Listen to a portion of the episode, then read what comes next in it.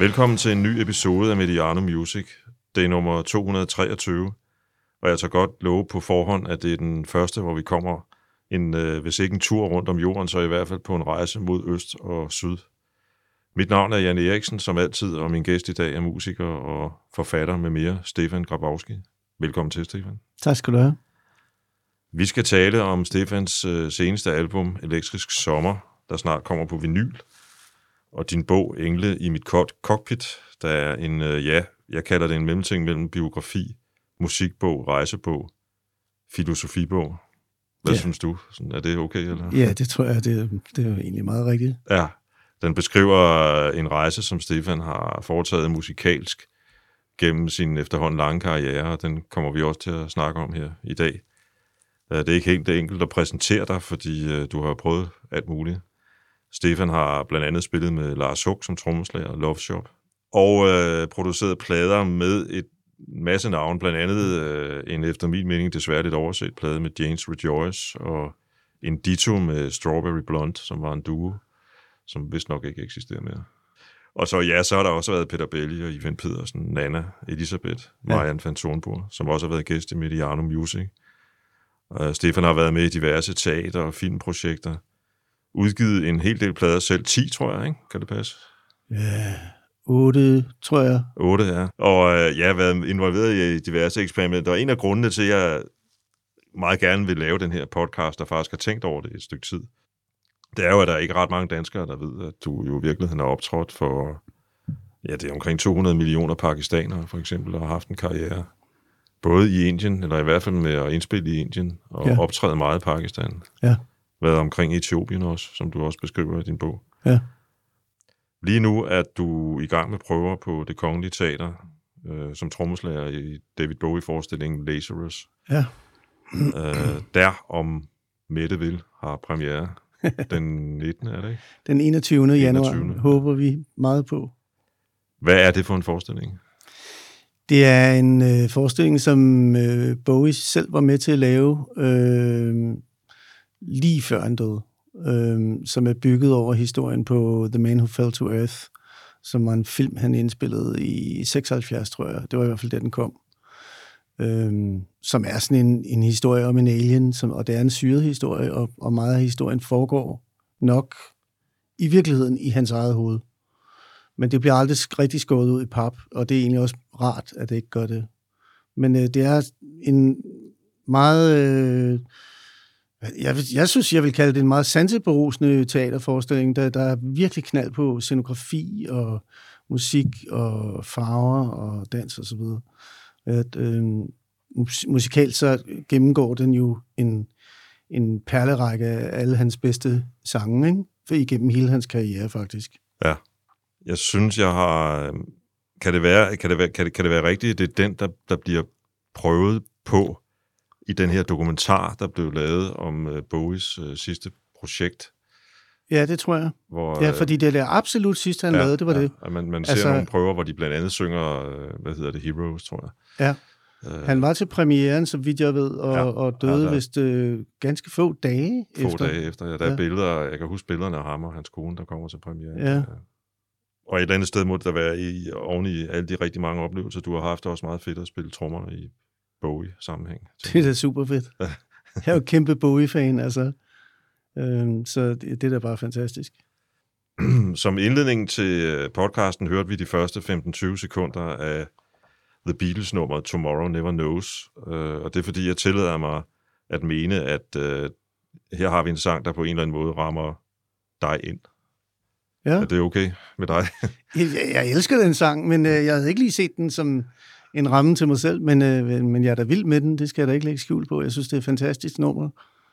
Øh, det er helt utroligt godt tænkt, øh, hvad de laver der, og det bryder jo alle barriere for, hvad der var blevet lavet før på det tidspunkt. Jamen, det er også det, jeg synes, du jo lidt gør. Øh, mm, tak. Øh, I hvert fald i, i, i en dansk sammenhæng, ikke? Mm. Øh, ja, altså, der er, jo, der er jo faktisk folk, der mener, at, at, at de her intonerer det, der senere hen blev til elektronisk musik ja. i det nummer der. Ja.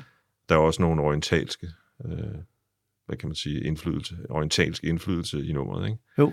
Uh, men jeg ved jo, at det i virkeligheden var Sgt. Pepper, der satte dig i gang. Ja, det er rigtigt. Det var ligesom det, der huggede mig på musik. Øh, jeg havde en onkel, som øh, blev skuespiller senere i Singerslev, og han boede hos os øh, en periode, da jeg var helt lille. Og han, jeg kan bare huske, at der var en dag, han ville spille en plade for mig, og så hørte jeg Sgt. Peppers, og så var jeg bare helt altså målløs. Ja. det fangede mig virkelig, virkelig hæftigt. Hvor gammel var du på det tidspunkt? Ja, jeg tror, jeg har været sådan omkring tre år eller sådan noget. Ja, ja. ja. ja det, det er en tidlig alder at, at få sådan en vækkelse, kan man ja, sige. Ja. ja. Og senere hen har du jo selvfølgelig gået ud fra at lytte en del til blandt andet The Beatles. Altså, øh. Jamen, sindssygt meget. Altså, det, der, de har betydet utrolig meget for mig.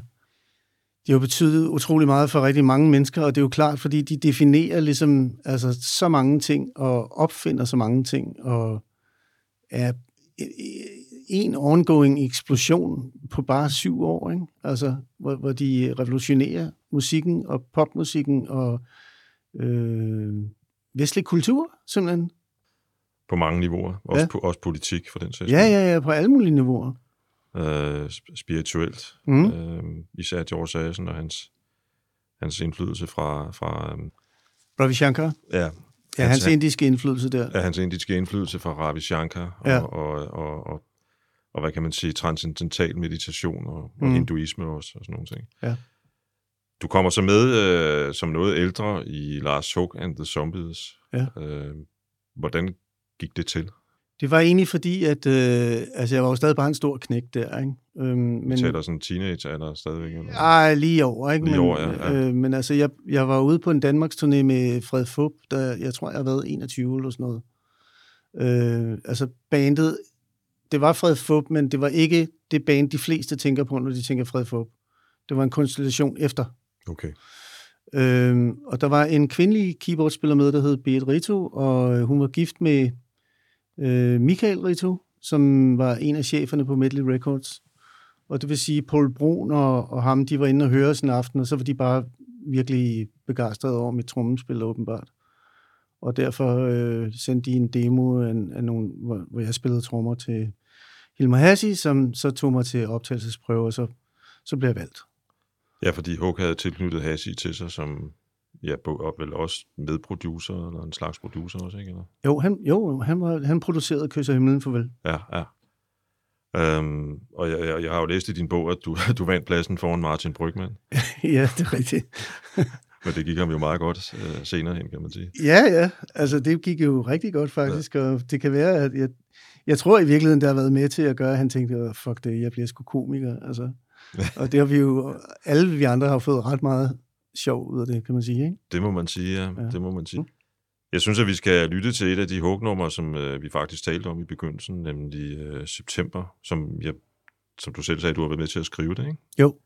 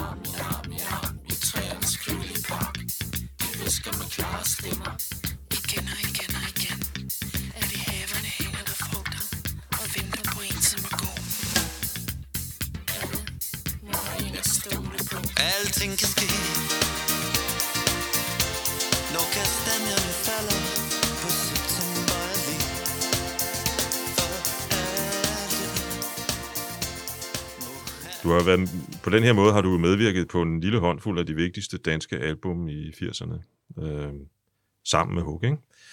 Øh, og samarbejdet med nogle af de allerstørste personligheder, kan man sige, i den æra. Altså, der var yeah. nævnte Hilmar Hassi, der er også Finn Favolt, som jeg også nævnte tidligere.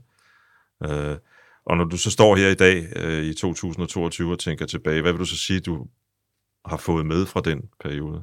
Øh, jeg, jeg synes, øh, altså jeg var jo meget grøn stadigvæk, da jeg begyndte at spille med Lars, så det vil sige, at øh, jeg havde en høj, en, en virkelig god teknik, øh, men jeg havde virkelig ikke ret meget blik eller øre, vil jeg nærmere sige, selvfølgelig for, øh, altså, hvor skal man spille hvad? Altså, hvornår skal man spille højt, hvornår lavt, hvornår skal man... Der er alle mulige ting, man skal, man skal ligesom sondere, øh, når man spiller musik, altså før det går hen og bliver rigtig musikalsk.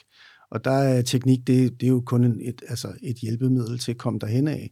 Det er jo ikke teknikken i sig selv, der er interessant. Så jeg synes, jeg lærte rigtig meget om udtryk øh, ved at spille med Lars. Og det er måske heller ikke så mærkeligt, fordi at, øh, altså Lars er jo oprindeligt uddannet på Aarhus Kunstskole, og han er, han er øh, ved, kunstmaler. Øhm, og, og på en eller anden måde, så, så tror jeg, at han altid har opfattet musik lidt som at male billeder. Og det, det er noget, som jeg selv har taget med mig. Øh, Det er som at male billeder, og, og det er ligesom, når man indspiller noget, så man kan ligesom høre, hvornår billedet er færdigt, om man så må sige, hvis det giver mening. Øhm, ja, det, det, det er nok hovedsageligt den ting, jeg har taget med mig. Og så stedighed og, og vedholdenhed. Ja. Altså, Lars Hug er jo øh, notorisk kendt for at være en stedemand. Ja. Det kan man også se, det er en dokumentar, der er lavet Ja. For ikke så mange år siden, Ja. øh, i forbindelse med 10, mi- 10 sekunder stillhed. Ikke? Jo. Øhm, og du beskriver jo også i bogen, hvordan I kunne have nogle pænt lange diskussioner i studiet. Ja, det kunne vi. Men du skriver også om noget andet, som jeg jo synes øh, fascinerer mig lidt som mangeårig øh, koncertgænger. Jeg har aldrig spillet selv, kan ikke, men har været til et hav koncerter som publikum. Ikke? Ja. Øh, det her med musikken som den samlende størrelse. Og jeg tænker, at nogle af de her s- sådan relativt store Lars Hug-koncerter, du har oplevet, må have været nogle af dine første oplevelser af musikken som sådan. Nej, det var det ikke. Altså, fordi jeg, jeg startede meget tidligt med at spille ude, øh, allerede som 16-17 år. Ja. Jeg tror, jeg var 15 første gang, jeg spillede på scenen i, i Musikcaféen, for eksempel. Ja, Øh, men det, der var forskellen, det var, at, at jeg kom for at spille, øh, fra at spille øh, små klubber, til pludselig at spille store steder, ikke? Øh, fordi at Lars han blev så vanvittigt populær på det tidspunkt. Altså, vi, altså i de år der, der, der blev vi jo blandt altså, de tre største navne i Danmark. Altså det, det var vi i en periode, ikke? Altså, når vi spillede ude live, så, så var det i den størrelsesorden. ja. Og I spillede jo, en, jeg, jeg ved ikke hvor mange, men I spillede en del gange på Roskilde Festivalen og andre festivaler. i øvrigt også. jo. Ja, det gjorde vi mange gange. Ja. Jeg var på den øh, i dag legendariske Roskilde-koncert i 88, mener jeg det var. Ja. Øhm, der er en ting i bogen, som har øh, faktisk været sådan en lille, det er et stort ord, men en lille åbenbaring for mig. Øhm, Mm. Fordi jeg har været til mange øh, Hug-koncerter. Lige inden vi begyndte, fortalte jeg øh, til Stefan, at min første Lars Hug-koncert var i Stakladen i, jeg tror det var 86, måske tidligere. 87. Det har nok været ja. 87, ja. ja. ja. Øhm, og jeg har altid gået derfra med sådan en lidt med blandede følelser. De der Roskilde-koncerter for mig har været en fest, også selvom den ene af dem var lidt problematisk, den du skriver om i bogen, ikke? fordi halvdelen af publikum var lidt sure over at høre numre, de ikke kendte, Ja. eller i hvert fald kendte med andre. Ikke? Jo. Øhm, men jeg har altid syntes, at, at, at der var et eller andet med bunden i musikken. Og, og du beskriver jo det der det fænomen, som du kalder stive, hvide beat. Ja. Jeg kan du ikke prøve at forklare, hvad det er? Fordi det har sat Jamen, det er jo bare sådan et supermetrisk øh, beat, ikke? Altså, som jo i virkeligheden er disco i sin grundsubstans, men, men spillet som om, at det var kraftværk i stedet for, altså som en maskine, der spiller det næsten mere. Ja. Altså, hvor det ikke har det der sorte swing, øh, men, men mere sådan et hvidt, øh, statisk, øh, hårdt, hårdt swing, kan man sige, ikke? Og Det er ret, altså man kan sige, men det burde man måske selv have lyttet sig frem til, det ved jeg ikke, men det er meget rart for mig faktisk at se, at se det på skrift, hvad det egentlig er, der har været Hooks, øh, hvad kan man sige, øh, drive i forhold til den lyd der, ikke? Ja. Øh, altså disco minus sort, Ja, eller blues. Øhm, og det synes jeg faktisk, hans seneste album, 10 sekunder stilhed, er et meget godt eksempel på. Øh, Okay. Der er jo også meget art rock over det, i Ja. virkeligheden. Hans, hans inspiration fra Roxy Music og David Bowie er jo ikke sådan den er jo ikke nogen hemmelighed, kan man sige. Nej, det er den bestemt ikke. Udover det, du selv nævnte før med, med kraftværk og så videre. Ja. Krautrock. Og, og, og det er også interessant for mig, fordi det, vi kommer til at tale om og lytte til lidt senere her, er jo, svinger jo af ja, pommeren til, ikke? Altså, øh, du kom senere hen til at lave musik, hvor der blev meget mere brug for den der, det der swing, som du også har i dit spil, ikke? Ja, et mere sort groove, kan, eller hvad? Ja, ja, groove. Mere fleksibel groove i hvert fald. Ja, mere fleksibelt, ja. Du nævner i bogen, at det var efter en fest hos dig, at, at Hilmar Hassi døde i et trafikuheld Ja. for efterhånden nogle år siden. Øh, var tragisk. Ja, det var meget, meget tragisk. Og uforståeligt og meningsløst. Ja, det kan jeg godt forstå. Øhm, som vi var inde på lidt tidligere, spillede du med ham i Love Shop. Ja. Og jeg ved godt, at Og At- også med Lars selvfølgelig. og også med Lars, ja, der var han også med, ja, det er rigtigt. Øhm, I det her dybt fascinerende samspil også med Finn Falolt på et tidspunkt også, ikke? Øhm, og der er ingen tvivl om, at Hassi, og det gælder for så det gælder selvfølgelig også for Volt, ikke? men de kunne jo noget med gitaren, som, som jeg ikke rigtig har hørt andre. Altså nu taler jeg om Hilmer. Ja. Øhm, og jeg ved godt, at geni er et stort ord, øh, fordi hvem er genier? Skal vi op på Picasso-niveau for at kunne bruge det ord? Eller Mozart? Øh, men alligevel, hvis jeg bad dig beskrive Hilmar Hassis geni, hvordan vil du så gøre det? Øh, jeg tror, jeg vil gøre det med nogle ord, som i virkeligheden er Claus Bertelsens egne. Øh, jeg kan huske, han engang sagde, at, øh, at nogle gange så kunne Hilmer sende toner så langt op i himlen, så man, man var i tvivl om, om de ville komme ned igen nogensinde. Og det synes jeg faktisk beskriver det meget godt. Altså, øh, Hilmer kunne åbne øh, et himmelrum med, med, med, med sin guitar, hvis han ville.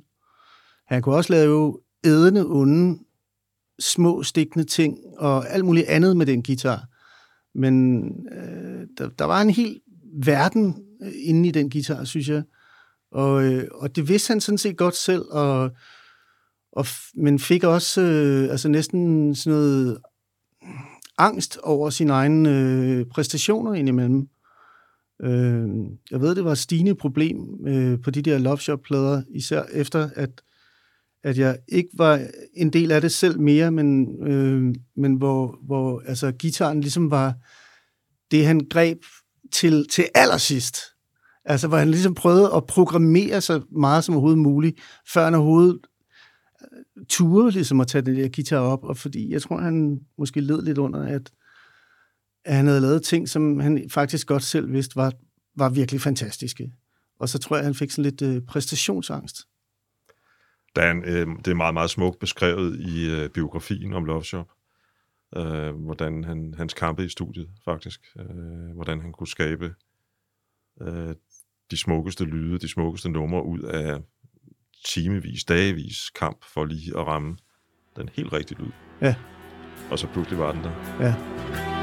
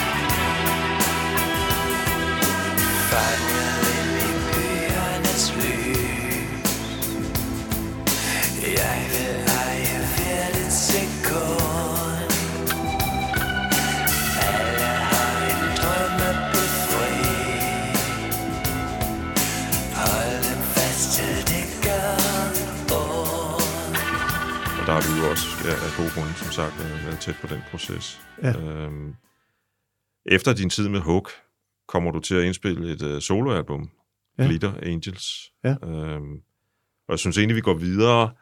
Der er jo et link til uh, Love Shop her, kan man sige, fordi dels er Hilmar Hassi med som, er det vist vokalproducer, ikke? Eller? Jo, Ja. det er rigtigt. Og dels er uh, The One and Only, uh, Henrik Hald, jo også med på mundharpe på nogle af numrene. Ja, Og- han var en fast del af, af det band, jeg lavede der. Ja. Uh, det vil sige, at det kørte faktisk samtidig med Love Shop. Ja. ja. Du har også nogle meget flotte beskrivelser i din bog faktisk af, hvad det var, han kunne. Synes jeg, det er noget helt andet. Uh, Henrik Hall, ja, Henrik Hald, ja. ja. ja. Han kom med sin blues-baggrund. Ja, han havde simpelthen en urkraft, som var øh, meget fascinerende. Og som han i virkeligheden ikke engang selv var specielt klar over, tror jeg selv, øh, før at øh, han ligesom kom mere op i årene. Fordi altså, da jeg begyndte at spille med Henrik Hall, det var jo tilbage i sådan noget, i, altså det var jo nærmest i start 80'erne. det lyder som om, at jeg er 800 år gammel. Ja, ja. Det er jeg ikke. Men jeg er heller ikke ung mere. Nej. Anyway, øh, dengang var Henrik Hall jo fuldstændig øh, komplet ukendt musiker, og lavede mest øh, musik til børneteaterforestillinger, og brugte mest tid på at, at spille lidt guitar og lidt saxofon og synge lidt. Øh, og den der mundharp, det var, det var sgu ikke noget, han havde tænkt over overhovedet selv. Øh, men jeg kunne ikke lade være med at lægge mærke til, at hver gang vi var ude at spille, og vi spillede meget ude, så var det altså, når han, når han begyndte at hyle i den der mundharp der, der skete altså noget i, i, i, i de der rum, de der sale, hvor, hvor Søren vi havde spillet, ikke? Mm. Det kunne man bare mærke på publikum, altså. Ja. Der, han havde noget, der gik lige tilbage, tilbage til, altså, samme feeling som Elvis med That's Alright Mama. Altså, den der helt godt sige feeling, altså, at, hvor der ikke bliver tænkt over noget, men der, hvor der bare bliver reageret følelsesmæssigt. Intuitivt. Ja, Og hvor trådet ja. samler sig Ja. i et udtryk. Ja. Ja. Uh, lad os lytte til det i dit nummer, I Am The Snake. Ja.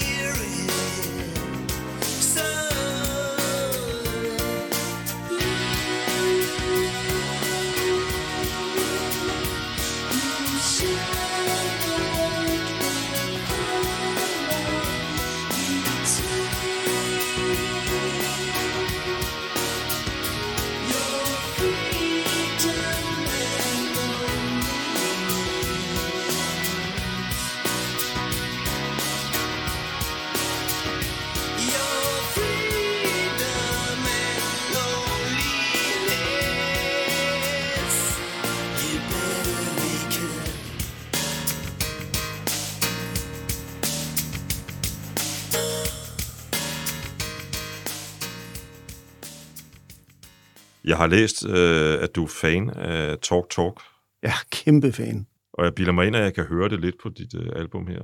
Øh, er det rigtigt? Altså, man kan godt, jeg synes godt, man kan fornemme det i, øh, i den sang, der hedder I'm the Snake. Ja. Men, øh, men ellers er det ikke noget sådan, jeg har sådan besøgt rent musikalsk så meget selv. Men, men der kan man godt høre, at altså, der er nogle ting, der minder om nogle ting, som de lavede på et album, der hedder The Color of Spring. Øhm, lige præcis, ja. Som er et mesterværk. Altså, Ja. Det er, nu bruger jeg en grim øh, kliché, som jeg i virkeligheden hader, og derfor burde jeg lade være med at bruge den, men det er jo et album, der bliver ved med at give. ja, det er det. øhm, jeg har lyttet meget til det efter Hollys død. Der. Ja. Øhm, Altså personligt synes jeg jo, at de, det er de to album, der kommer efter, som er deres største bedrift. ja, Spirit of Eden og Laughingstock. Det er udødelige mesterværker. Øh, De, de vil stadig have samme resonans om, om 200 år. det er godt at høre. Jeg må i gang med dem også, men jeg, jeg har et særligt forhold til det første, fordi jeg var, eller det første nævnte, fordi jeg var, var til, øh, til, til sådan en seance inde i, ja, vi står faktisk lige ved siden af Gråbrød Torv, og det var på Gråbrød Torv, øh, da det udkom, hvor han var. Ah. Vi sad inde på en, en, café, nogle journalister, Ja. og, og talte med ham. Nå, fedt. Det, det følte han var meget akavet. Det Ja. stort set, hvad jeg kan huske. Øh, han, han elskede det i hvert fald ikke. Nej, han havde den slags. Han var ja. Ekstremt pressesky og, Ja. og ret menneskesky i det hele taget. Ja, øh, og det gjorde på en eller anden måde indtryk på mig. Mm. Øhm, og så var vi nogen, der på en eller anden måde fik åbnet ham, og jeg kan ikke huske, hvordan. Så jeg okay. tror bare, vi går videre til, øh, til det projekt, som jeg også øh, faktisk tydeligt kan huske udkom, nemlig Konger for en aften. Ja. Det var et album, som du lavede sammen med Ivan Pedersen og Peter Belli. Ja. Hvordan opstod den idé? Ja, det er faktisk et godt spørgsmål. Altså, jeg ved ikke rigtig, hvor det kom fra. Jeg tror, jeg fik bare lyst til at lave en crooner-plade. Øh, jo, måske. Ja, det, var jo, det var jo faktisk nok lidt inspireret af Elvis Costello og Burt Bacharach, som lavede et fantastisk album. Painted from Memory hedder Ja. det. Det er virkelig en god plade. Den er vanvittig Øh, god. den. Og øh, ja, det var ja, starten, det var ligesom udgangspunktet. Øh, jeg tænkte, det, det kunne være interessant at, at lave nogle popsange, som var mere klassiske i, det, i deres tilsnit. Og så tænkte jeg, altså næste tanke var jo ligesom logisk, at så skal jeg også have nogle mere klassiske popsanger på. ja, ja, ja. Måske kan man ikke kalde øh, Peter Belli for en klassisk popsanger. Han er jo, kommer ud af pigtråd oprindeligt. Og, ja men han har noget lidt ikke? kan man sige. Men, øh, men, men det synes jeg faktisk var, det var fordi, jeg havde først fundet Ivan Pedersen, som jo har den her meget engleagtige røst, og så tænkte jeg, godt, der har vi englen, så skal vi have djævlen eller andet Ja, sted. Ikke? ja. Og der, der, Peters stemme passede jo bare godt til det. Ikke? Øh, sjov idé, og som nævnt før, kan jeg, kan jeg tydeligt huske, det udkom. Ja, Og, og, og jeg, nu, lige inden vi lytter til et af numrene, så vil jeg lige øh, sige, at, at når du snakker om Bacharach ja, og Elvis Costello, så var du vel egentlig også med i et projekt, der hed Goldfinger. Kan det passe? Ja, det er Øh, rigtigt. Vi Som, som også var inspireret af den, den musikstil. Øh, nej, det var mere inspireret af 60'er filmmusik, vil jeg sige. Soundtracks. Ja. Ja. Ja, ja, ja. Jeg kan tydeligt huske, at pladen udkom i 2003. Øhm, og jeg sad på mit kontor på mit gamle arbejde og lyttede til det, og, og faldt for, øh, nu griner jeg, men det er der en grund til, jeg faldt for, hvis jeg elsker dig, Mm, øh, en virkelig fed melodi. tak. Meget melan- melankolsk nummer, faktisk. Ja. Øh, og jeg synes lige, vi skal lytte lidt til det. Ja.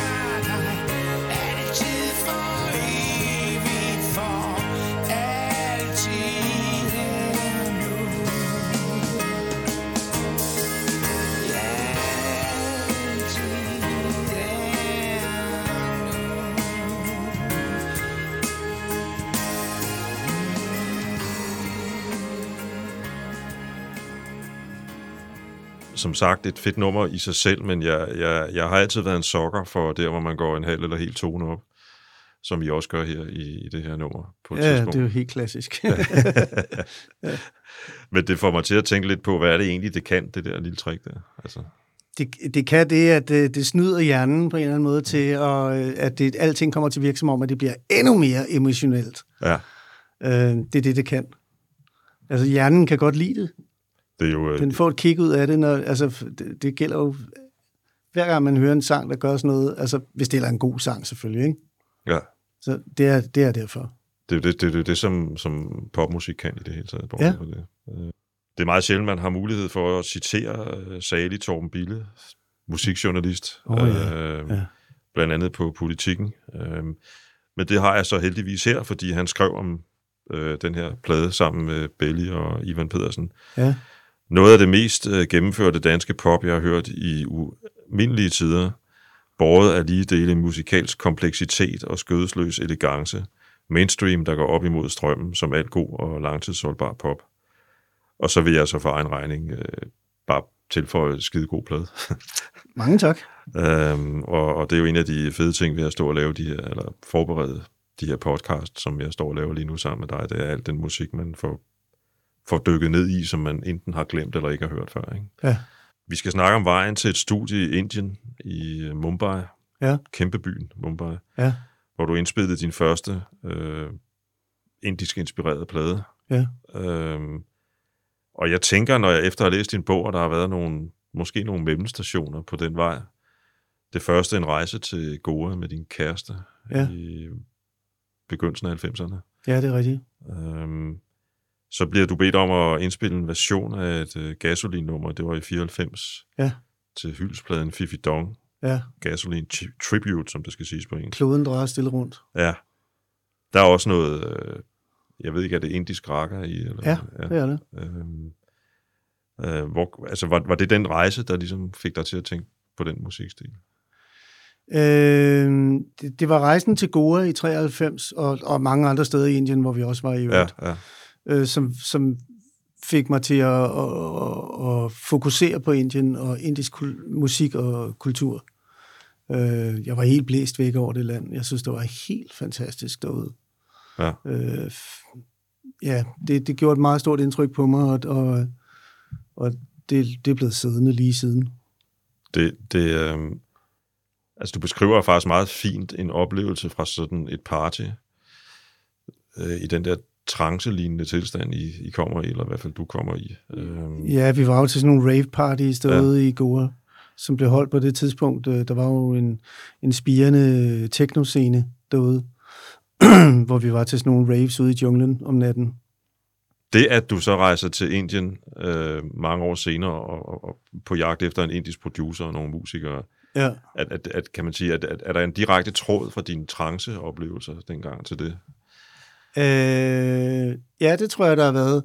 Altså blandet med, at øh, altså på det tidspunkt, der jeg havde bare virkelig lyst til at prøve noget nyt. Altså, øh, jeg var gået igennem en skilsmisse på et helt personligt plan, og øh, jeg kedede mig røven ud af bukserne over, hvad jeg hørte i, øh, på P3 i radioen. Og jeg tænkte, der må, der må simpelthen være noget andet. Altså, der må være noget... Der er en kæmpe, kæmpe verden derude, og vi bor på et lille bitte knappenulshoved af en ø, der hedder Sjælland. Øh, men det er altså ofte som om, at vi, vi tror faktisk, at vi bor i, i verdens navle, og det her, det er verden. But it ain't. det her, det er bare en lille bitte fraktion af, af, hvad der sker rundt omkring. Ja. Ja. Og jeg havde lyst til at komme ud til det, og jeg vil gerne, jeg vil rigtig gerne lade det bløde ind i min egen musik. Jeg, vil, jeg havde lyst til at høre nogle nye toner og, og et nyt udtryk i min egen musik. Jeg har stor respekt for projektet. Altså her har vi en mand, der sidder hjemme i, i Danmark og googler indiske pladestudier. Ja. Og så rejser du ned til denne her by med 24 millioner indbyggere, som jeg nu ved, der bor i Mumbai. Ja, det er det omkring efterhånden. Ja, det er omkring, ja. ja. Øhm, og det ender rent faktisk med, at du øh, ja. hooker op med en af de største legender i indisk musik. Det var jo utrolig heldigt. Det var jo fantastisk heldigt. Hvis man var religiøs, så ville man sige, at Gud havde haft en, en hånd med i spillet der. Ikke? Ja, eller Karma måske. Ja, ja. ja. Det er rigtigt. Nando Bente som var indiske rock and roll pioner, og som på et tidspunkt var, var blevet træt af at turnere rundt, og, øh, og derfor havde øh, opbygget et studie i Mumbai. Og øh, af sære kanaler, så, så kom jeg altså til at møde ham. Og det var jo lidt svært at, øh, altså, at kommunikere meget med dem derude over mail, fordi øh, det er en, en helt anden kultur. Og det der med mail, altså måske nok endnu mere i 2007, end det vil være nu, men det var altså stadig sådan noget, ja ja, altså, altså nu lige, altså, det var først, da jeg mødte op fysisk, at de begyndte at tage det alvorligt. Mm. Der tænkte de, okay, han, han mener det sgu. He means business. Yes. Altså, let's go. Ja. Og så begyndte de at samle folk til mig, ikke? Altså Ja, ja, og- musikere. Og du beskriver i bogen, altså nu skal vi jo ikke stå sådan og, og, og læse hele bogen op her, det vil også tage meget lang tid, men, men du beskriver ret godt i bogen, hvordan I, I så møder hinanden, kan man sige, musikalsk, ikke? Altså, Jo. Først lidt skepsis, og, og så kan de så høre dit beat, og Ja, ja. der er sgu et eller andet der, ikke? Jo, jo, men de synes jo, det var meget specielt, at der kom en vesterlænding med den ambition om at indspille et, et, altså, øh, et helt album øh, med indiske musikere. Ikke? Ja. Øhm, det, det havde de ikke oplevet før. Men, men jeg får jo også fornemmelsen af en helt anden arbejdsstil, end man måske har i den her på knappenålshoved, som du nævnte før, ikke? I den Jo. her del af verden. Altså, når nu er han her, ham, Stefan fra Danmark, så samler vi sgu nogle folk, og så får vi, så får vi det her gjort, ikke? Altså, i dag ville alle mulige have 17.000 aftaler, eller her ville alle mulige have 17.000 aftaler, der gjorde, det kan man ikke bare sådan lige, du ved, fra... fra Nej, den ene- men det kunne de heller ikke der, men, men der, der var det jo mig, der ligesom gik ind og, og, og, og ligesom sagde til mig selv, altså, okay, hvis du vil arbejde i det her land, med, øh, og på deres, så bliver det jo på deres måde, ikke? så er du selv nødt til ligesom at udvikle en, en form for indisk øh, sindelag omkring det. Det vil sige, tingene tager den tid, de tager. Øh, så jeg, jeg, jeg anede ikke, hvor lang tid jeg ville komme til at være i Mumbai på det tidspunkt. Jeg, ville, jeg, jeg, altså, jeg var øh, determineret på at blive der, indtil det var færdigt. Men hvornår det var færdigt, det vidste jeg sgu ikke. Altså, så jeg blev der bare, så længe det tog. Og det tog noget tid, fordi altså, det var jo den anden ting, der var enormt heldigt, det var jo, at øh, Anando øh, var jo altså født ind i Bollywood-branchen via sin familie faktisk, øh, og havde været en del af musikbranchen i, i så mange år i Indien, så han kendte jo alle de topbedste musikere. Ja.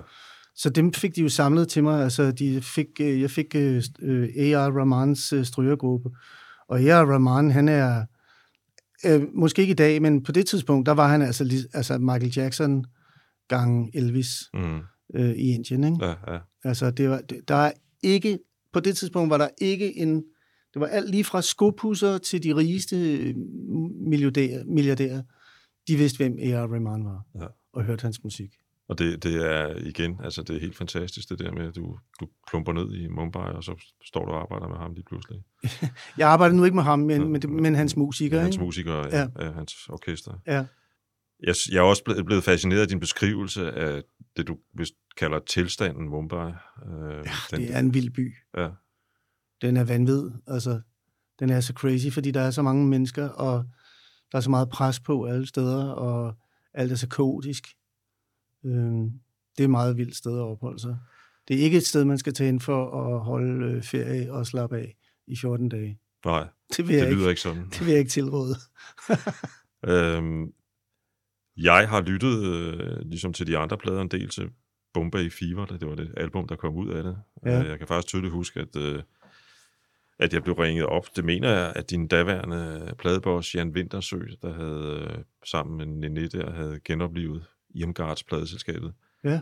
Og øh, på det tidspunkt skrev jeg bare ikke ret meget musik, så jeg måtte takke nej til at skrive om det. Det er jo lidt ærgerligt, når man nu lytter til, til i dag. Øh, og jeg synes, vi skal lytte til et af numrene fra pladen. Øh, mit yndlingsnummer faktisk fra den plade, Åbn dine hænder. Ja.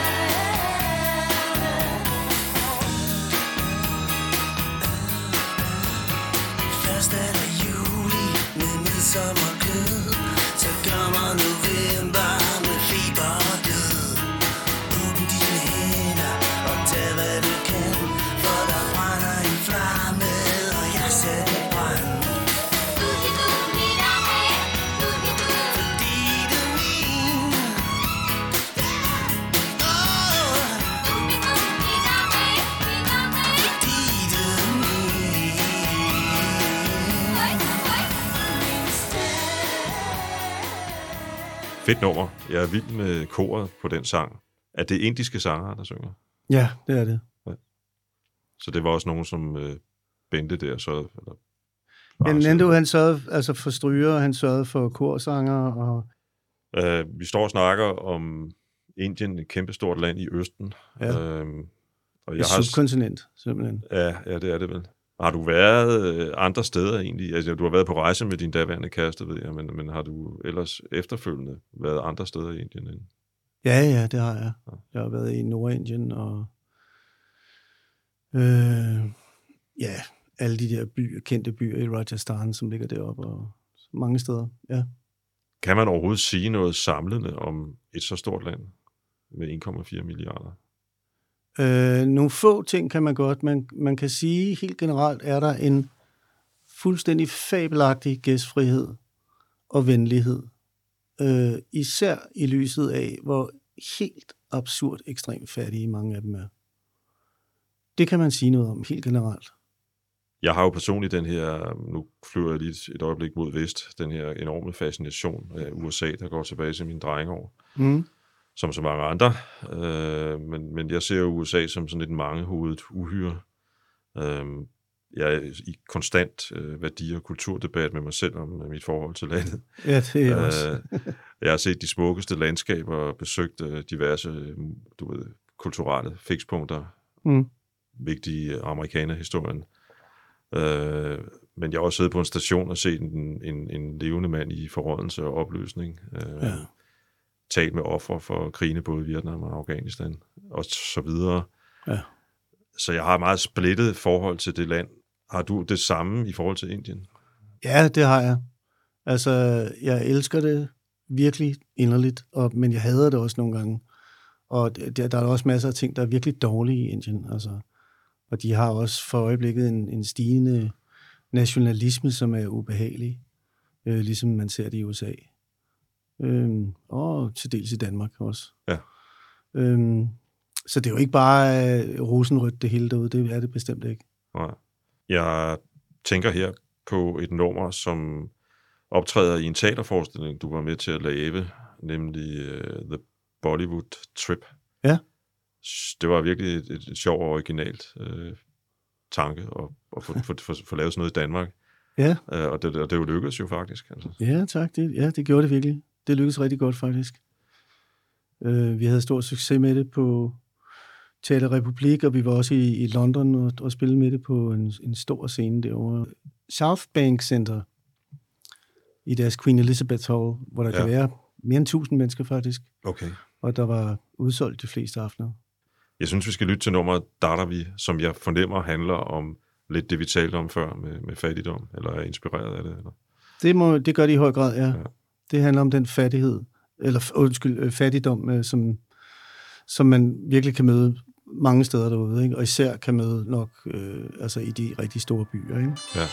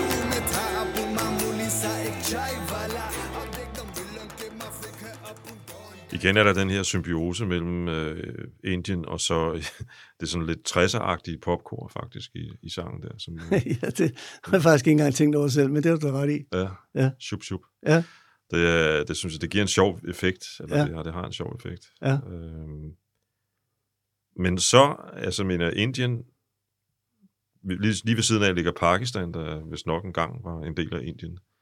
Øhm, Ja. Og der har du også begået dig. Ja der har turneret rigtig meget. Hvordan kom det til at ske? Jamen, det var fordi, at øh, de musikere, jeg hyrede til at lave The Bollywood Trip med i Danmark og i England, øh, den ene af dem øh, er Jonas Stampe, som øh, er halv pakistaner. Øh, og han øh, er faktisk oprindelig øh, sitar-elev af, af Ravi Shankar, hvilket er ret vildt. Øh, men udover det, så er han øh, også øh, elev af øh, Ejaz Shalis far, øh, som er en af Ustad. Øh, han er en af de helt store sangere i Pakistan. Ja. Ham og hans bror. Øh, så Jonas havde øh, virkelig, virkelig gode, dybe og mange forbindelser til Pakistan, til musikere der.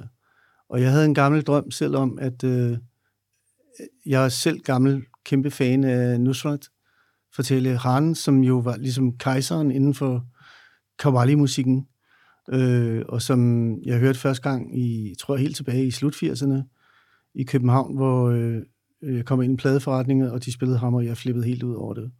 Og det var Peter Gabriel, som havde lavet et pladeselskab, der ja. hedder Real World, som havde signet ham, ikke? Dengang tænkte jeg allerede, altså jeg synes, der var en rock and roll i Qawwali-musikken på en eller anden måde. Qawwali er jo en 800 år gammel musiktradition, som er trancemusik, og som handler om at prøve at, at nærme sig Gud, uden at der ligesom hverken er en imam eller en præst imellem en selv og, og, og det store. Man kan også bare sige, at det nærmer sig om at, det handler om at, at nærme sig øh, universet, eller noget, der er større end en selv Ja, i hvert noget, fald. der er større end en selv. Ja. Øh, men, jeg, men jeg synes, at der, der var sådan en, en rytmisk øh, vildskab i det, som jeg enormt godt kunne lide. Øhm, og som mindede mig om rock and roll på en eller anden måde. Så jeg kunne godt tænke mig at merge de to ting. At, hvordan ville det lyde, hvis man prøvede at spille en rock and roll øh, version af Cavalli-musikken? Så, så det, var, det var faktisk det, der var ideen. Ja. Og så sagde Jonas jo så, at øh, han kendte en, en fantastisk øh, sanger, ung sanger fra Pakistan, Ejaz Shali.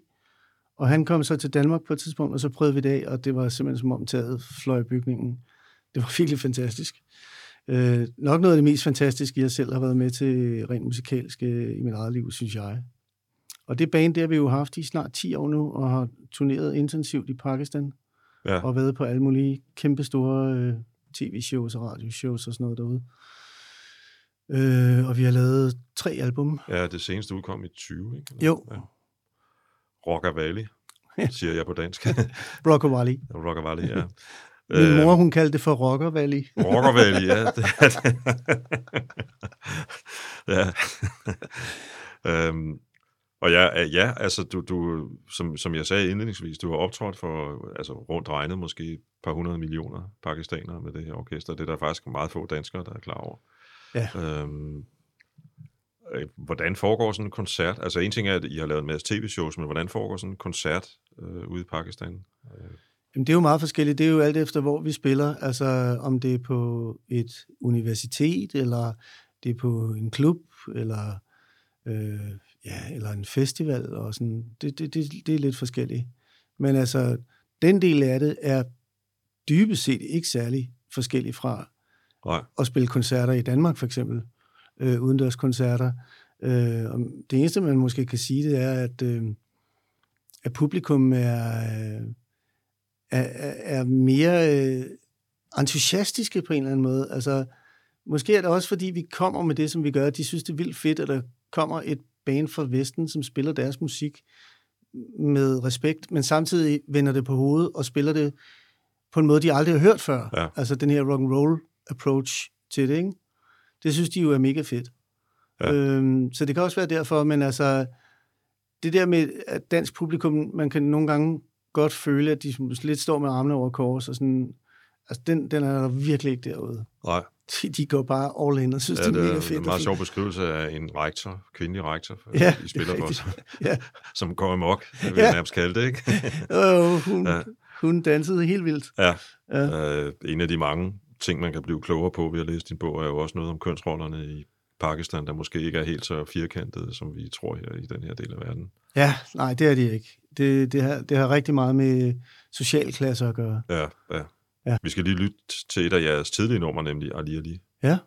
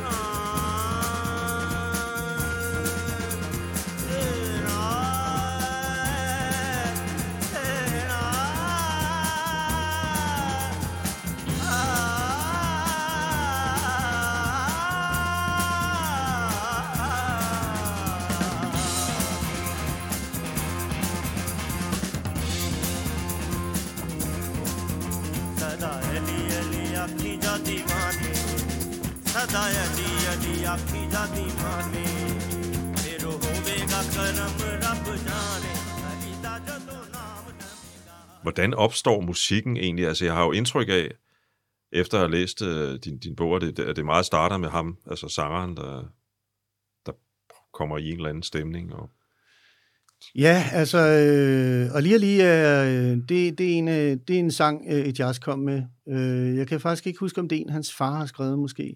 Det er muligt. Han har skrevet et par af dem. Øh, men så kommer han jo med den og, og spiller lidt på sit harmonium og synger lidt strofer, og så giver han øh, også andre øh, den raga, der bliver brugt. Og en raga er en, en fastlagt øh, række toner. Ja. Øh, og så improviserer vi jo på en måde derfra, ikke? Øhm, at jeg så finder på at sige, hey, lad os lægge et uh, Led Zeppelin-agtigt guitarriff ind i den. Du, Altså, så pludselig er det jo et helt tredje sted, ikke? Øhm, så det, det, det er faktisk meget den måde, vi arbejder på. Nogle gange er det os, der kommer med øh, nogle riff eller akkorder, og, og, og så siger vi til, til jazz, "Prøv- prøv lige at, at finde ud af det her. Hvad, hvad vil du tilføje til det her? Og så, hvis han øh, ligesom får idéer, så, så tilføjer han jo noget, som ofte er helt fantastisk. Nu laver jeg et lille bitte hop tilbage, fordi øh, faktisk øh, har Nando Bente mødt Led Zeppelin. Har jeg læst i din bog. Ja, det er rigtigt. det er rigtigt. Jeg mener, jeg ved ikke, om, de, øh, om, den, den blev, om den blev optaget i Indien, men, men Kashmir har vel formentlig været inspireret af deres øh, Ja, det, det, ophold derude. det kan man roligt regne med, den har. Ja. Den blev ikke optaget derude, men, øh, men øh, Jimmy Page og, og Robert Plant var afsted på en tur alene i 72, øh, hvor de tog til Indien. Jeg ved ikke rigtig, hvorfor øh, Bonham og, og John Paul Jones ikke var med, men det var de ikke. Nej. Øh, men jeg tror også hovedsageligt, de tog det ud for at få inspiration egentlig. Og de hang ud i, i øh, Bombay i øh, en uge eller 14 dage, Ja. hvor Nando så mødte dem på en klub, ikke? og hvor de jammede med lokale musikere. Nu vi snakker om de helt store legender, så er øh, jeres andet album, Sufi Spirit, indspillet af en af de mest legendariske producer i rockmusikken, nemlig Mark Howard, Ja. som øh, arbejdede tæt sammen med Daniel Lanois i dennes storhedstid. Ja, Han producerer faktisk stadigvæk plader. Øhm, ja de havde et markedskab i 23 år. Ja. Øh, Dylan, Tom Waits, Ja. Lucinda Williams, Willie Nelson, Emmylou Harris, U2, Ja. Ma- Marianne Faithfull også, tror jeg. Ja. Øh, han kom til København. Hvordan øh, i alverden kunne man få det til at ske? Det var, fordi han, øh, jeg lagde mærke til, at han var i København på et tidspunkt, hvor øh, jeg tror, han lavede noget andet i Europa, men så var han kort forbi Danmark, fordi at øh, Rytmisk Konservatorium havde fået ham til at komme og give en forelæsning. Og så tænkte jeg, okay, ham kunne det altså være fedt at lave noget sammen med. Så, øh, så jeg var derude og høre forelæsningen, og så fik jeg lige øh, givet ham en CD bagefter, vores første album. Ja. Og han var sådan lidt, du ved, yeah, whatever. Altså, han får sådan en CD Ja, ja, ja. i hånden fem gange om dagen. Ja, eller ja, nogen, ja, ikke? ja. Men øh, da vi så var på vores første øh, Pakistan-tur øh, i 14, så skrev han lige pludselig, Hey guys, I love your music, wanna work with you. Kan vi få det til at ske i juni? Så var jeg bare sådan, okay, det skal vi. Ja. Vi må simpelthen skaffe nogle penge, og så må vi komme i gang med det der. Ja. Så det gjorde vi. Og det lykkedes jeg at skaffe de penge, der skulle til. Ja, ja. Øhm, men han kommer altså til København og er ikke helt tilfreds med studiet. Så, så, skulle, Nej. jeg så skulle jeg lige pludselig til at løbe hurtigt. Ja, det var, det var ret øh, stressende. Han er jo øh, vant til at arbejde under nogle... Altså, han bygger i virkeligheden sin egen studie sådan manuelt. Øh, og så kom vi ud i Village Recording, som er jo glimrende studie. Øh, og jeg havde sendt ham billeder og, og en liste over, hvad de havde grej derude og sådan noget, og han havde ikke sagt noget til det, men da vi kom derud, og han gik lidt rundt, så sagde han pludselig, I can't work here. Og var sådan noget, fuck, altså, hvad gør vi nu? Vi havde 48 timer, til vi Ja. skulle i gang, ikke? Så måtte vi jo i gang med, altså, han ville have en, øh, en anden mixer, og han ville øh, have nogle andre højtalere, og han ville sidde inde i selve det rum, hvor vi spiller, og ikke sidde inde i et kontrolrum med en, glasskærm imellem sig selv Okay. og, og os. Så det måtte vi jo, altså, og han hjalp også selv til med at bygge det op selvfølgelig. Og han havde også øh, sponsorship og sådan noget, der gjorde, at øh, de der højtalere, de, de kom bare, de kom bare, altså, ja, ja. når han ringede et eller andet sted Ja, hen. ja. Og så øh, fik studiet øh, fløjet en, en ny pult over for London. Øh, lynbørge hurtigt. Øh, så det, det lykkedes. Skide godt, at Ja. det kunne lade sig gøre. Ja. Uh, han var også, hvad hedder det, uh, altså han var også villig til at fortælle om sine mange samarbejder. Ja, ja, han havde sgu nogle ret sjove, Ja, rimelig underholdende historier der, når man var færdig om aftenen. Ikke? ja, ja. Øh, ja, han fortalte nogle ret sjove historier om nogle af de der Bob Dylan-albums. Og, Du beskriver, du beskriver nogle, nogle, nogle forskellige uh, anekdoter i bogen, ikke? og blandt andet var jeg ret vild med den, hvor, hvor, hvor, hvor, hvor, du, hvor, du, hvor du fortæller, eller du, du citerer Mark Howard for, hvordan Daniel Lanois og Brian Eno i virkeligheden lavede det grundlæggende arbejde til One, ja, riffet, blandt andet på gitaren, Ja. indtil de der fire gutter så kom i studiet senere på dagen, og så ligesom udviklede til, til det Ja. fantastiske nummer, det jo er, ikke? Jo. Uh, det er jo sådan noget, der er god for en person, der interesserer sig for rockhistorie. Ja. Um, af tidsmæssige grunde, så må vi øh, lidt hen over dit ophold i Etiopien og dine indspilninger der. Um, desværre, men det kan man læse om i din bog. ja, det er jo et fantastisk land. Ja, Og en fantastisk kultur. Det kunne jeg snakke meget længe om. Ja, ja og, ja, og, og, det, og det kan jeg også forstå på, hvad jeg har læst. Og igen, altså, en, for en person som mig, der, der faktisk øh, mere eller mindre kun ved, øh, at der er noget, der hedder Haile Selassie engang, og at der er en tight connection til reggae-musik og Rastafari og, og så videre, så er det enormt interessant at læse, faktisk. Og jeg, jeg vidste heller ikke, der var ja. Ja. den her kristne helligdom, som du besøgte. Øh, Jo, det er jo et af de ældste kristne lande i verden overhovedet. Ja. Jeg Og- tror, det er det tredje ældste kristne land i verden. Ja. De har været kristne siden romertiden. Ja. Og jeg var inde og, og googler og, og, og kan se, at, at det faktisk stadigvæk er en to tredjedel af befolkningen, der er kristne. Ja. Meget spændende, og jeg, egentlig vil jeg bare sige, anbefale at låne, køb bogen og læse om også om... om Jeg købte den. Ja, ja det, Ej, det Stefan, må du ja, nej, latterligt. nej, nej, det, det, det, jeg skriver selv bøger, så det er fuldstændig cool. Og vil gerne have, at folk køber dem. Så, så der vil jeg bare anbefale at, at læse også om det. Øhm, dit seneste album, Elektrisk Sommer, Ja. er faktisk delvis indspillet i Eti- Etiopien, tror jeg. Eller, eller det er det ikke, men det er med etiopiske musikere Øh, noget af det er øh, indspillet i Etiopien, ja. tidligere. Altså. Ja, tidligere, ja. inden øh, øh, hele den her epidemi startede, ja, ikke? ja. Ja. Og det er ting, du har haft med øh, Ja. hjem. Øhm, og og, og, og du, der, der er også indiske musikere på den. Og, Det er og, der.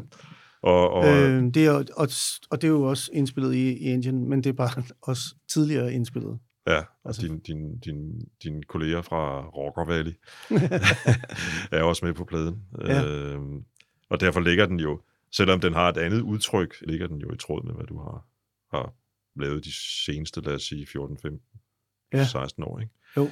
Øhm, og du skriver i pressemeddelelsen, at der, er, at der faktisk findes et broderalbum til Elektrisk Sommer, nemlig Underligere en Kærlighed, som er et elektronisk album.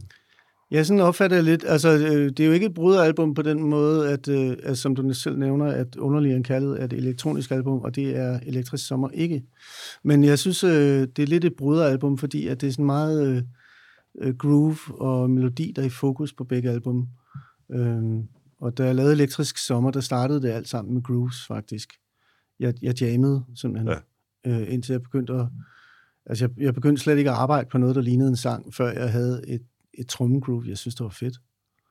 Øhm, Alene det i sig selv er jo lidt us- Ja. usædvanligt i, den, sådan, i det store billede. Ikke? Nå. det var ekstremt inspirerende for, for mig selv Ja. at arbejde på den måde pludselig.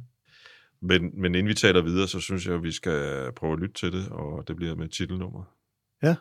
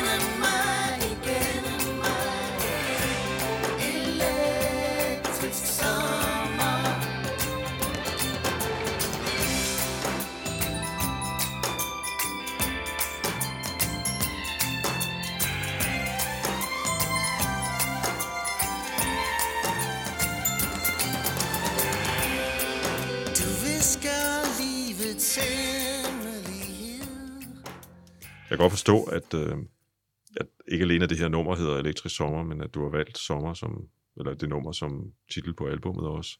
For der er sådan en grundstemning, synes jeg, på albummet af sommer. Det er der. Det er et meget lyst album faktisk. Det er nok det lyseste, jeg har lavet. Ja. Ja. Er det sådan en slags reaktion på corona? Og Det tror jeg er ubevidst i virkeligheden, det er. Altså, fordi det er lavet i altså, din mørkeste, sureste vinter, øh, hvor man ikke kunne se nogen mennesker overhovedet, og ikke kunne arbejde, og, altså med andre mennesker. Og der, var ikke, der var ikke noget, der var at råbe hurra for, for nogen øh, på det tidspunkt. Øhm, og derfor heller ikke for mig, naturligvis. Så, så det er nok en form for en reaktion mod det. Altså bare fik lyst til at lave noget, der var lyst og, og let og rart. Altså når jeg lytter til, til, til det, og, og det gælder især en sang, vi kommer til om lidt, så kommer jeg sådan lidt i sådan en, det jeg kalder altanstemning. altså, øh, når vi har de her rigtige sommerdage i Danmark, som vi trods alt heldigvis stadigvæk har nogle stykker af. Ja, Øh, man kan frygte, at vi får flere og flere i øvrigt, øh, ja det kan man. hvor, øh, hvor det bliver varmere og varmere. Men det er noget helt andet. I øvrigt en problematik, du også beskæftiger dig lidt med på albummet. Ja. Øhm, altså, hvor man sidder derude, ikke? Og, og det er blå himmel, og der er sommerfugle, og man kan høre fuglene, og, og blokken øh, ved siden af nogle børn, der leger, og, og, og, og kommer i den der tilstand, som man, man, man, man jo ofte vil, vil, vil kunne gøre i forbindelse med musik, og, og, og tør jeg sige, selvom jeg ved ikke om en gammel mand, som jeg må sige det, men også sex, ikke? Mm. at man ligesom glemmer, at, at, at, at, at der også er et, et i morgen eller om en time, men bare, til, men bare er til stede i nuet. Ikke? Ja. Øh, Og det synes jeg er, at, øh, for eksempel det nummer, der hedder Guldsmed, øh, sætter mig i den stemning. Så det synes jeg lige, vi skal høre lidt af. Dejligt.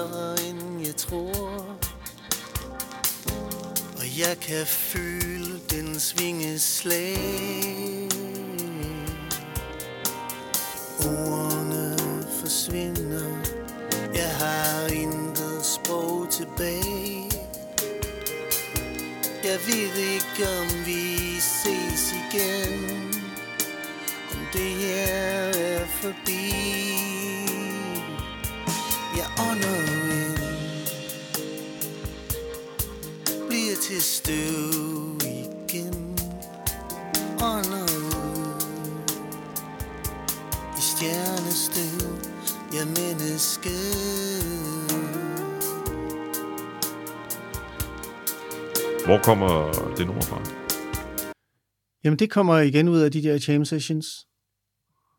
Øh, og så lavede jeg jo ligesom, der er et tema øh, på det her album, Elektrisk Sommer, som, og det er jo natur. Det handler om naturen, eller naturen er metafor. Øh, alle sangtitlerne på hele albummet refererer til natur på en eller anden måde.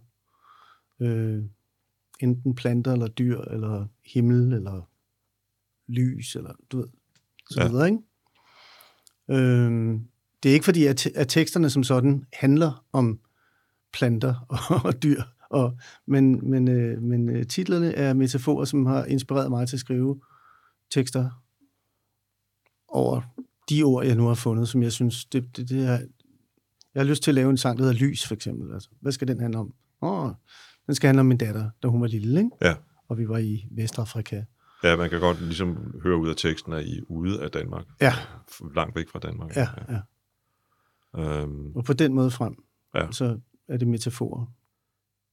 jeg, synes, jeg synes egentlig, det er, det er ret fascinerende med, med, øh, med, med, øh, med, med de her metaforer, som, som du nævner, og titlerne på numrene og så videre, fordi med til den her sommerstemning, der, der hører jo også blomster, natur, Ja. dufte, ikke mindst. At de her slyngplanter, man er nødt til at fjerne lidt, hvis ikke man skal have dem ned i hovedet på altanen, for- nu at blive altså holdt fast i altanen som en metafor. Ikke? Jo. Øhm, og det synes jeg faktisk er, at musikken med til at understøtte en fornemmelse af netop at, at, at være i naturen på en Ja. eller anden måde. Ikke? Jamen det, det er jeg glad for, du synes. Det har også været intentionen. Altså, det er en hyldest, albumet er en hyldest til naturen. Ja, Øh, den natur, som vi ser forsvinde med skræmmende hast, ja, hvilket er ekstremt deprimerende. ja. Man kan godt være lidt... Øh, Jeg elsker naturen også. Ja. Det, jeg synes, det er Gud. jeg har ikke så meget forstand på, på religion og sådan nogle ting, men der er en eller anden mening med den natur, vi har. Og der er også en, øh, der er også en mening, der bliver udfordret ved den øh, hurtige nedbrydning af. Ja. af naturen, der foregår lige for øjeblikket. Ja, Øhm, det er der. Du har udsendt mange album efterhånden, og- du har været enormt konsekvent, kan man sige. Ikke fordi dit musikalske udtryk har været ens hele vejen, tværtimod. Altså, vi har hørt mange forskellige slags ting i, i løbet af de her, den her times tid, ikke? Jo. Øhm, men, men du har altid ligesom været konsekvent, og, og du har... øh, Det er jo ikke et bevidst valg, men, men, men de valg, du har truffet, har jo betydet, at du ikke ligger der i midter, i midterrabatten af den, af den danske pop- eller rockscene. Ja. Øh, og så kommer jeg til at tænke på, øh, har du nogensinde egentlig overvejet, om det var det rigtige, altså og tænkt, øh, det kunne egentlig være fedt at lave et eller andet kommersielt mega-hit, som øh, røg direkte ind på øh, alle mulige hitlister, eller, eller, eller har du, du har aldrig tvivlet i den, på den vej? Altså, jeg vil mere sige, det ville jo være enormt fedt, hvis, øh, hvis øh, radioerne og resten af Danmark synes, at for eksempel Elektrisk Sommer var et utroligt kommercielt kæmpe hit. Ja, ja, ja, ja. Øh, fordi så kunne det lade sig gøre, ikke? Men, øh, men øh, jeg kan ikke øh, øh, se mig selv prøve at presse en eller anden kunstig sang frem, som jeg ved, at, øh, at de vil synes er fed. Øh, det kommer ikke til at ske. Det er jo også en helt anden måde at skrive musik på og producere på. Som, øh, Ja, i høj grad så ryger vi over i sådan noget sangskriverfabrik, ikke? Jo. Øhm, hvor der er øh, øh, otte sangskriver om en sang, du ved. Øh, og, og hvor, hvor det er en fabriksbusiness på en eller anden måde, der kører på samlebånd. det kan meget hurtigt blive efterrationalisering. Men jeg synes jo, når jeg lytter til Bombay Fever, at jeg kan fornemme, og måske er det som sagt, mig, der lægger det ind i musik, fordi sådan er musik jo også. Altså, vi bruger jo musik på alle mulige forskellige måder. Men det er jo meningen med det. Og det er det, der Ja. ja. med, Ja. lige præcis. Ikke? Der kan, jeg synes jo, jeg kan høre den sved, der har været i studiet, Mm. øh, og, og, og den der føle hinanden på tænderne, og, og, og, og måske en vis usikkerhed og sådan nogle ting. Hvordan, hvordan, hvordan får vi de her ting til at smelte sammen? Ja. Øh, Ja, det, det, det kan jeg høre i musikken, og om det er mig, der lægger det ind i det, som sagt, det ved jeg ikke, men, men det kan man jo ikke høre i det, du kalder meter, eller det, du kalder fabrikmusik. Altså alt det der, det, Nej.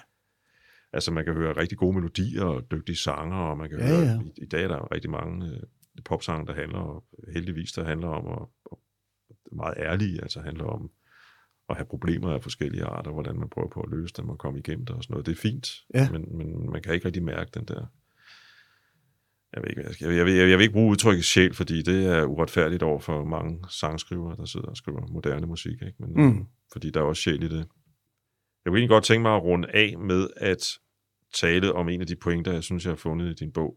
Ja. Som handler om, vi har været lidt inde på det, musikken som vejen til opløsning af egoet. Altså selvforglemmelse, kan man også kalde det. Ja. Øhm, og det har jeg så tænkt på, og, og i, her i, for, i forbindelse med det også din rolle som brobygger mellem forskellige musikkulturer. Er det det, der har været, har det været en, en ledetråd for dig igennem dit virke her, frem til nu, og Elektrisk Sommer? Ja, det har det. Det synes jeg. Øh, måske ikke altid lige bevidst, men det er blevet mere og mere bevidst for mig selv, som årene er gået, at det er jo i virkeligheden det, som er grundtemaet for mig. Det der med at samle folk, det der med at samle dem gennem musik, at musik kan noget, som, som sprog, talt sprog ikke kan på samme måde. Øh, musik øh, taler til noget uragtigt i os alle sammen, som er noget godt uragtigt. Det er ikke det dårlige, voldelige som regel. Det er det gode. Øh, og, det, og det er bare med til at, at, at, at bringe os sammen, også selvom at vi så står og, og er mennesker i ekstremt forskellige kulturer og har forskellige sprog, og nogle gange slet ikke kan forstå, hvad hinanden siger. Vi kan altid forstå musik. Mm. Det, det, der er virkelig noget utroligt øh, menneskeligt ved det på, på den bedst tænkelige måde, og der er noget universelt over det. Øhm, og, og det er en del af universet. Du kommer meget godt, i, synes jeg, øh, ind især den sådan afrundingen af bogen, også ind på, hvordan musik i virkeligheden stammer for nogenlunde fra de samme kilder. Ikke? Altså, Jo. Øh, og igen, det kan man tale meget længere om. Men, men, men, men, men det, det er også en god pointe at have med. Ikke? Det kan da godt være, at det lyder fremmedartet for os med nogle tonale skift og sådan nogle ting i, i Ja. ja. orientalsk musik, som man slet ikke kan følge. Ikke? Men, men og grund af rytmen kommer nogenlunde fra de samme steder. Altså Ja. ja. de samme kilder, ikke? Jo. Øh, som, som en øh, blues-sang eller en popsang eller Ja. ja. noget andet. Jeg tror, jeg vil sige øh, tak for, at øh, du vil være med her, Stefan. Jamen, jeg takker selv. Det var en Øh, fornøjelse. det er jeg glad for at høre. Og øh, nu taler vi om, om naturen som, som kraft, og derfor synes jeg, vi skal lytte til sangen, der hedder Jordens Salt, som overrunding. Ja.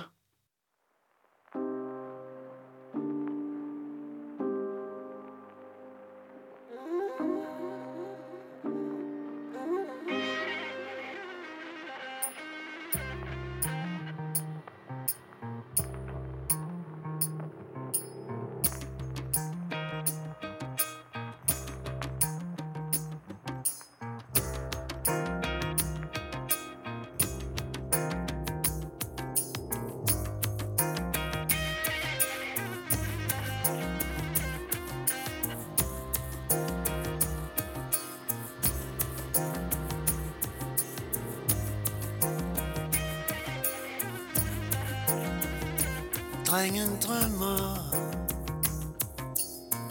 om ukendt land.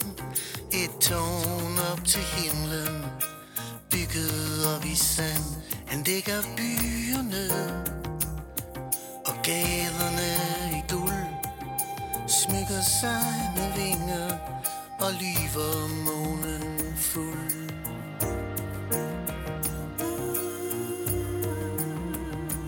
På mit tid